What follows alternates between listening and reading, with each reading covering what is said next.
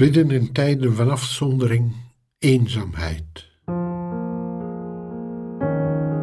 Podcast 9. Gods liefde.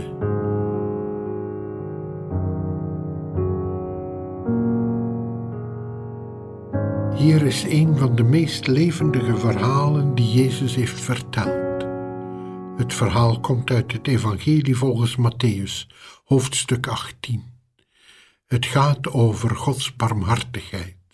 Op dat moment kwamen de leerlingen Jezus vragen: Wie is eigenlijk de grootste in het koninkrijk van de hemel? Toen hij daarmee begonnen was, bracht men iemand bij hem die hem tienduizend talent schuldig was. Omdat hij niets kon terugbetalen, gaf zijn heer bevel dat de man samen met zijn vrouw en kinderen en alles wat hij bezat verkocht moest worden, zodat de schuld kon worden ingelost. Toen wierp de dienaar zich aan de voeten van zijn heer en smeekte hem: Heb geduld met mij, ik zal u alles terugbetalen. Zijn heer kreeg medelijden. Hij liet hem vrij en schold hem de geleende som kwijt. Toen deze dienaar naar buiten ging, trof hij daar een van de andere dienaren, die hem honderd denari schuldig was. Hij nam hem in een wurggreep en beet hem toe: Betaal me alles wat je me schuldig bent. Toen wierp deze zich voor hem neer en smeekte hem: Heb geduld met mij, ik zal je betalen. Maar hij wilde daar niet van weten. Integendeel, hij liet hem gevangen zetten, tot hij de hele schuld zou hebben afbetaald. Toen de andere dienaren begrepen wat er gebeurd was, waren ze zeer ontdaan en gingen ze naar hun heer om hem alles te vertellen.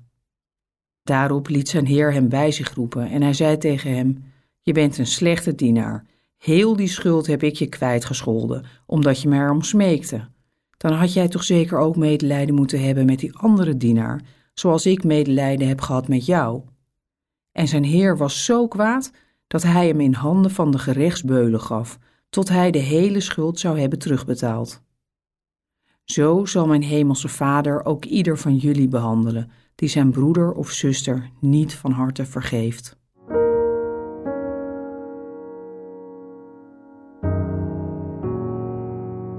Twee slaven.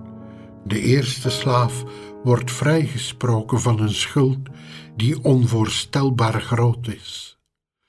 Tienduizend talenten, dat was een enorme som. Eén talent alleen al wordt verondersteld vijftien jaar lang het loon van een arbeider waard te zijn. En deze slaaf wordt tienduizend van die talenten kwijtgescholden. Er was niets wat hij deed om deze behandeling te verdienen. Het was allemaal genade, geschenk. Dit maakt zijn eigen gedrag in het niet willen kwijtschelden van die kleine schuld van honderd denari van een medeslaaf des te beschamender. Als je bedenkt dat één denari slechts datgene was wat een arbeider in één dag verdiende. Hij was een klein bedrag verschuldigd, terwijl hem een enorm fortuin wordt kwijtgescholden. Geen wonder dat hij zijn straf kreeg. In meer gewone tijden, vooral in de veertig dagen tijd, zouden wij kunnen nadenken over de kloof die er bestaat tussen wat ons wordt vergeven en onze eigen onwil om anderen te vergeven en over hoe wij misschien Gods vergeving te veel als vanzelfsprekend beschouwen.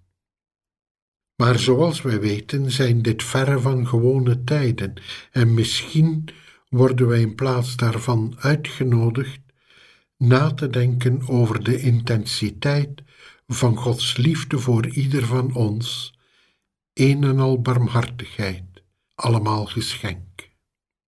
Wat een schitterende God hebben wij toch.